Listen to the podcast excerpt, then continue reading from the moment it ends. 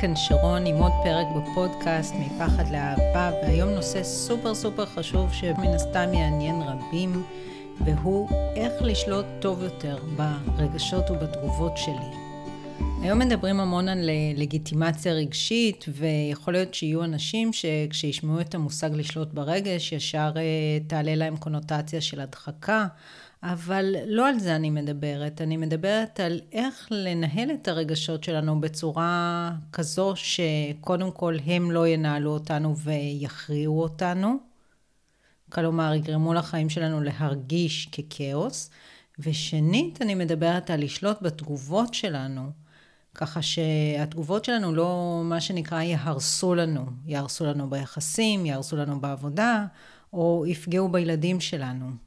אז רבים מוצאים את עצמם מביעים רגשות באופן חסר פרופורציה, הם נעלבים מכל שטות, הם צועקים, הם אה, מתנהגים בצורה שאחר כך הם מתביישים בה. וכפי שאמרנו, באופן שהורס להם ביחסים ופוגע במעמד שלהם בעבודה. אז מה אפשר לעשות כדי מצד אחד לתת מקום לרגש, אבל שמצד שני העוצמה שלו ואופן ההבעה שלו לא יטלטלו אותנו כמו עלה נידף ברוח.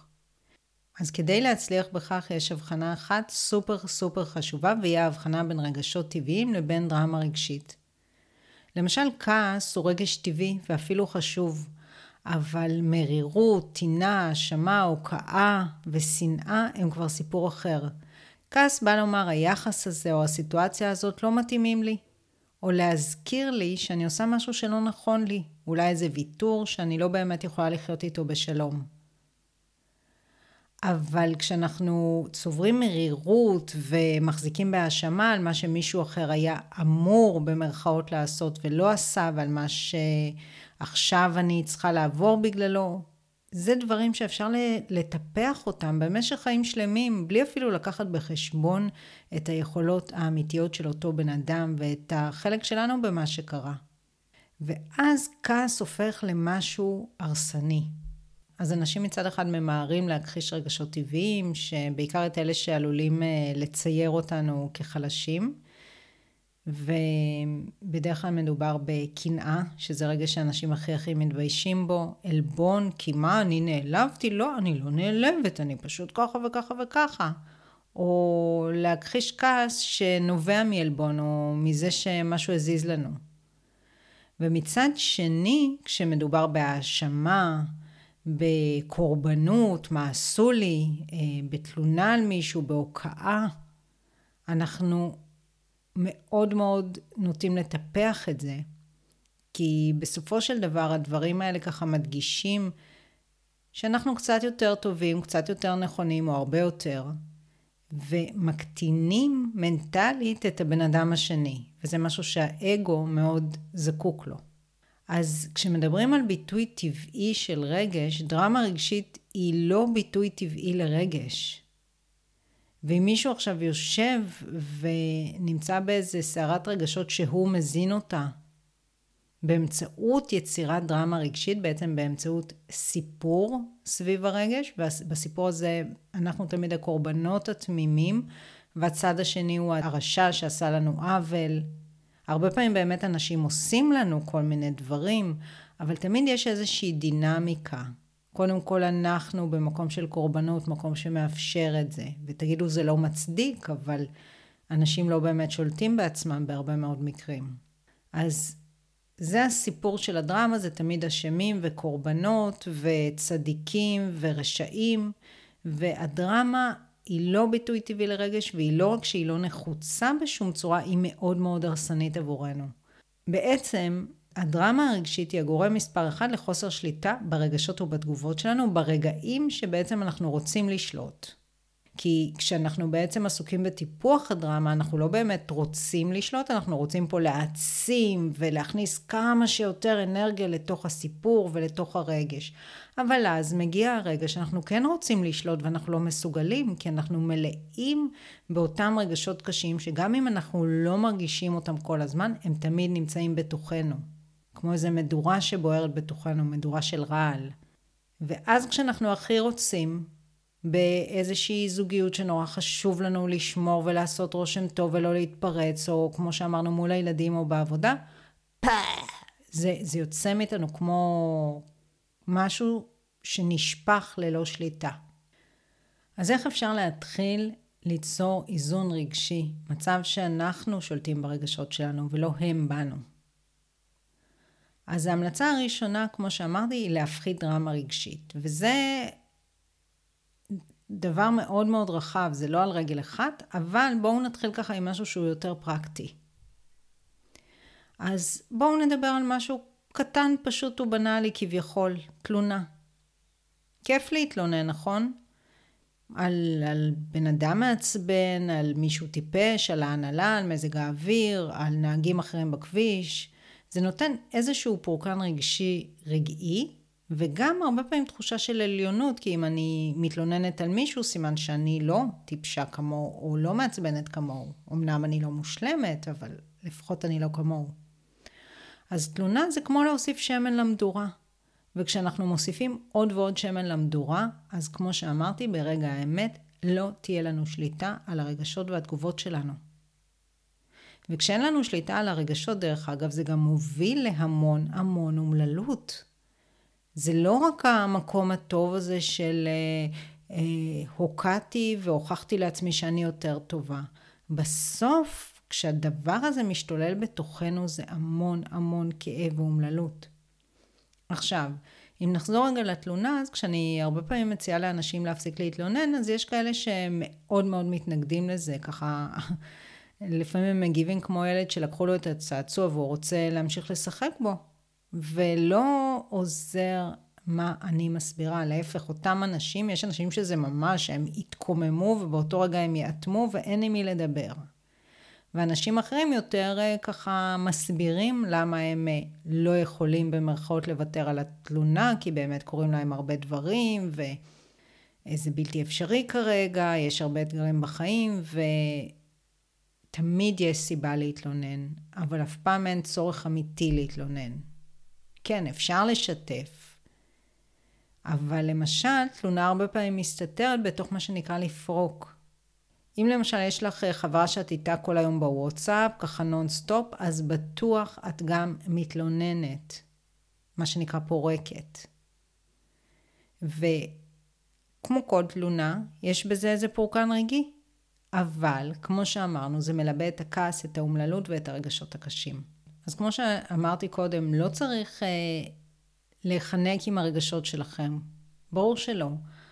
אבל במקום תלונה, אפשר לשתף, זה משהו אחר. למשל, אם לא נרוץ מיד לספר למישהו על כל דבר קטן שקרה, אולי חלק מהדברים הפחות חשובים ייעלמו מהתודעה שלנו לפני שבכלל נספיק לעשות את זה. ואם במקום מילים קשות אה, ואינטונציה ככה דרמטית נשתמש במילים שקצת יותר מתארות את האמת באופן אובייקטיבי ובאינטונציה שהיא קצת יותר רגועה, כן שיש בה רגש כמובן, אבל לא עם כל התיאטרליות הרגילה שבה אנשים רגילים ככה לטבל את הדברים שלהם. אז זה צעד, אני אומר, אני באה להגיד קטן, אבל הוא מאוד גדול, שאפשר להתחיל איתו כבר היום. ובהערות לפרק אני אשאיר לכם כתבה שנקראת מה ההבדל בין שיתוף ופריקה, ושם אני מדגישה את ההבדל בין מה שנקרא לפרוק או להתלונן או להוציא קיטור, לבין שיתוף שהוא בריא וטבעי. עכשיו ככה נעבור לגורם הנוסף לחוסר אה, שליטה רגשית והוא ביטול עצמי. יכולה להיות חזית שאנחנו מאוד יודעים לעמוד על שלנו, נניח בעבודה, ואז חזית אחרת, נניח מול הילדים, שמאוד מאוד מאוד קשה לנו. אז מה זה ביטול עצמי? למשל כשאנחנו שותקים או מחליקים או מתעלמים מהקול הפנימי שלנו שככה כל הזמן חוזר ואומר שמשהו לא בסדר. שלמשל אנחנו מקבלים יחס שהוא לא לעניין, שאנחנו עושים במקום מישהו אחר משהו שהוא יכול לעשות בעצמו. או שעשינו איזשהו ויתור וזה אוכל אותנו מבפנים. או שמישהו למשל תמיד אה, מאשים אותנו, אומר שאנחנו מדמיינים דברים ומשתיק אותנו ואנחנו יודעים ככה את האמת. אנחנו יודעים מה אנחנו רואים ואנחנו יודעים מה אנחנו מרגישים. אז היום יש המון הורים למשל שיש להם ביטול עצמי מאוד חמור מול הילדים שלהם, וזה מאוד הרסני כלפי הילדים. אצל הרבה מאוד הורים זה בא מהפחד להיות רעים במרכאות כמו ההורים שלהם, ואז הם הולכים לאיזושהי קיצוניות שנייה שגם היא לא בריאה והופכת את הילדים ככה לעריצים קטנים שלא מסוגלים לדחות uh, סיפוקים. זה בא בזוגיות, זה בא בעבודה. יש לא מעט חזיתות שבהן ככה uh, קל לנו להיות בביטול עצמי אולי מול ההורים שלנו. וביטול עצמי זה לא משהו בריא. גם כשאנחנו מעמידים פנים שהכל בסדר כביכול, המרירות מצטברת ומצטברת בתוכנו, ובסוף זה תמיד איכשהו אה, מתפוצץ.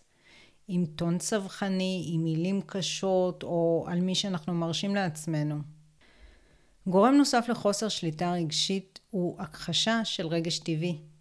האם פעם שמעתם את עצמכם, או מישהו אחר אומר, אני לא אמורה לכעוס או להיפגע מדבר כזה? אז היום ככה יש כל מיני מנטורים שיכולים אה, להטיף לזה שאנחנו לא אמורים להיות מושפעים מכלום. זה לא רק מנטורים האמת, זה גם הציבור הרחב, איזושהי תפיסה של אה, בחרתי להיעלב. זה בולשיט. ברור שברגע שאנחנו יותר אה, שלווים, אנחנו פחות נעלבים מכל דבר, אבל שוב, אם דיברנו קודם על זה שכעס הוא תגובה טבעית, אז גם עלבון הוא תגובה טבעית. אם מישהו עשה משהו לא בסדר, משהו פוגעני, אני רוצה להיעלב כדי לדעת שיש פה משהו לא בסדר. אבל אנשים שחיים ככה בדרמה נורא גדולה, אז יש להם דרמה נורא גדולה בתוך הראש, וכל דבר הם מפרשים לרעתם, ואז הם ייעלבו מכל שטות. אבל עלבון טבעי מזה שמישהו באמת עשה משהו פוגע, הוא מכוון אותנו בדיוק כמו הכעס.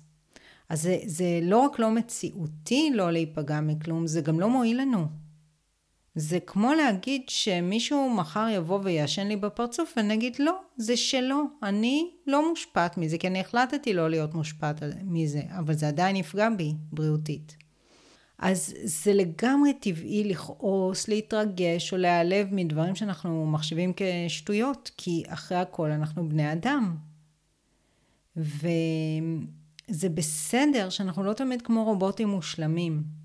וצריך להיזהר מאוד מאוד מאוד גם כשאנשים אחרים מייעצים לנו כביכול ואומרים לנו את דעתם, אני, אני לא הייתי נותנת לזה להזיז לי. וזה בולשיט.